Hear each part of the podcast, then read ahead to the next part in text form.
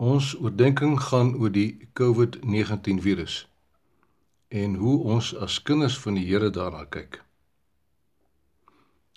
In Levitikus 26 vers 3 tot 6 sê die Here onder andere aan sy volk Israel: As julle in my insettinge wandel en my gebooie hou en dit doen, sal ek julle reëns gee op die regte tyd en die land sal sy opbrengs gee en die bome van die veld sal hulle vrugte gee en julle sal jul brood volop eet en veilig in julle land woon. Ook sal ek vrede gee in die land. En in verse 14 tot 18 sê hy: Maar as julle nie na my luister en al hierdie gebooie nie doen nie, sodat julle nie al my gebooie doen nie en my verbond verbreek, dan sal ek dit ook aan julle doen. Ek sal verskrikking oor julle beskik.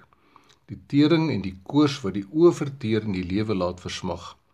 Julle sal ook te vergeefs julle saad saai want julle vyande sal dit opeet.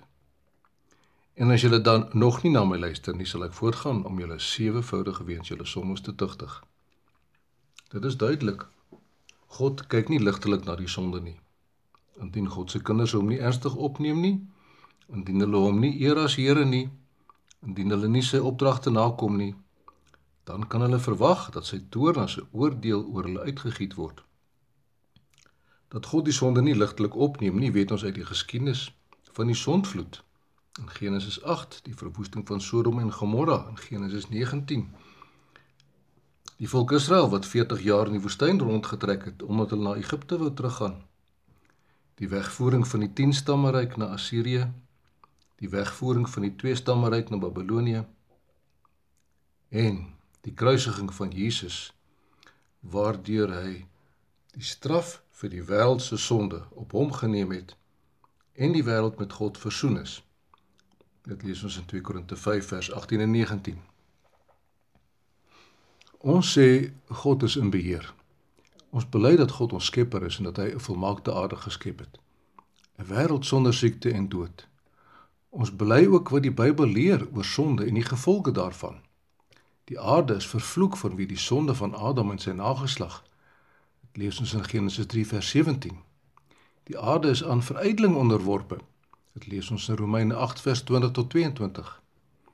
En dit beweeg steeds nader aan vernietiging voor die aanbreek van die nuwe hemel en die nuwe aarde waarvan ons lees in 2 Petrus 3 vers 10 tot 12.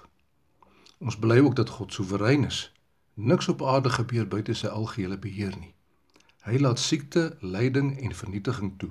Daarvan lees ons in Jesaja 45 vers 7 en Amos 3 vers 6.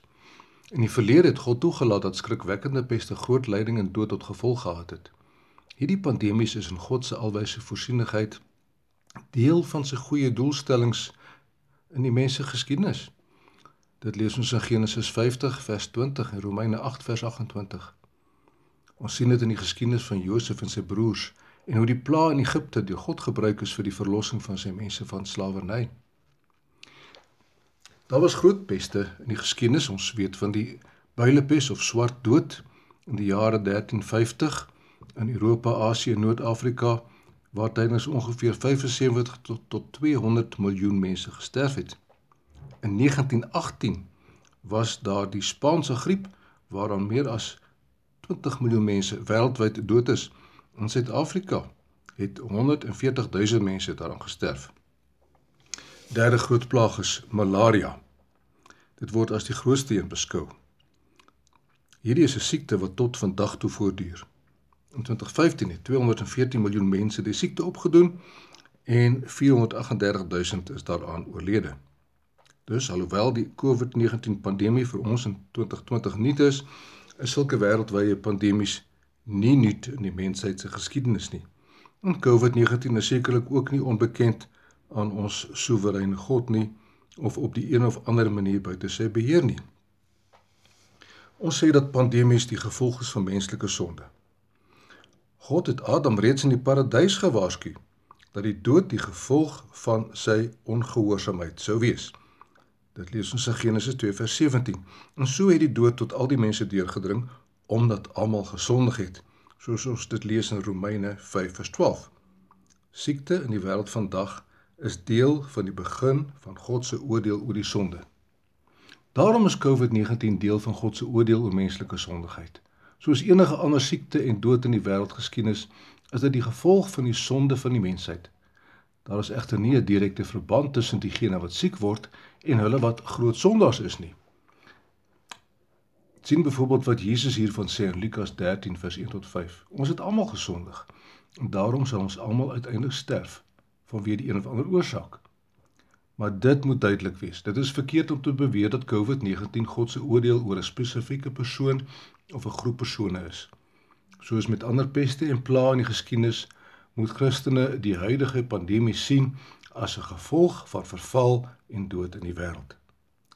As 'n Christen bely ek dat ek oorspronklik van nature 'n sondaar is en dat ek daarom, soos ander mense, God se oordeel oor my sondigheid verdien. Ons sê dat God se oordeele sal toeneem. Ons word nie heeltemal deur die COVID-19 virus verlas verras nie omdat God gewaarsku het dat sulke rampe sal gebeur. Die boek Openbaring vertel ons van God se oordeele wat oor die wêreld uitgegiet word. Hierdie oordeele is ook waarskuwings. God se tyd van genade sal tot 'n einde kom en die ewige oordeel kom nader. In sy genade gee God waarskuwings aan die goddeloses oor die dreigende dood so dat hulle hulle van hulle rebellie teen hom mag bekeer. In 2 Petrus 3 vers 9 lees ons dat God geduldig is met sondaars omdat hy wil hê dat almal hulle moet bekeer. Ons sê dat God se oordeel regverdig is en deel hiervan is die evangelie van genade en verlossing vir gelowiges. Ons het almal teen God gesondig en verdien om gestraf te word. God se oordeele is regverdig. Maar dit is die wonder van die evangelie. In sy genade verkondig God aan sondaars 'n manier om verlos te word van die oordeel en ewige straf wat hulle verdien. God het sy eie seun gegee om te ly en te sterf in die plek van sondaars. Jesus Christus het die toorn van God teen die sonde gedra toe hy in onmeetlike lyding aan die kruis gesterf het. Christus het gesterf sodat ons mag lewe. Hy het die vloek van die dood gedra sodat ons in hom deur God geseën kan word. Almal wat in Christus glo, word deur die Heilige Gees lewendig gemaak. En God se toorn bly nie langer op hulle nie. Ons as gelowiges leer om in geloof te reageer. In sy genade roep God ons op om in geloof te lewe. Die Heilige Gees praat met ons deur die Bybel. Hy leer ons om nie te vrees nie wanneer God se oordeele met toenemende intensiteit gebeur. Die Heilige Gees verseker ons van God se beloftes om ons vrees weg te neem. Dit lees ons in Jesaja 41 vers 10 en volgende vers en in Psalm 91. Lukas 21 vers 28 bemoedig Christus ons om in hoop te lewe met 'n geloofsperspektief. Hy sê as hierdie dinge begin gebeur, staan dan regop en lig julle kop op, want dan as julle verlossing naby. Die Heilige Gees gee ons geloof om anders te reageer selfs in tye van groot rampe en wêreldwye pandemie. Deur God se genade antwoord ons met diens in liefde terwyl ons onselfsugtig met medelee teenoor hulle optree wat ly. Soos Christus waarsku ons die goddeloses in liefde en roep hulle op om hulle tot God te bekeer. In die Gees bly ons bid vir hulle wat besig is om in hulle rebellie teen God dood te gaan. Terwyl ons doen wat ons kan om mense te help. Hoe antwoord ons op die huidige pandemie? Ons doen alles in ons vermoë om die verspreiding van die virus te bekamp.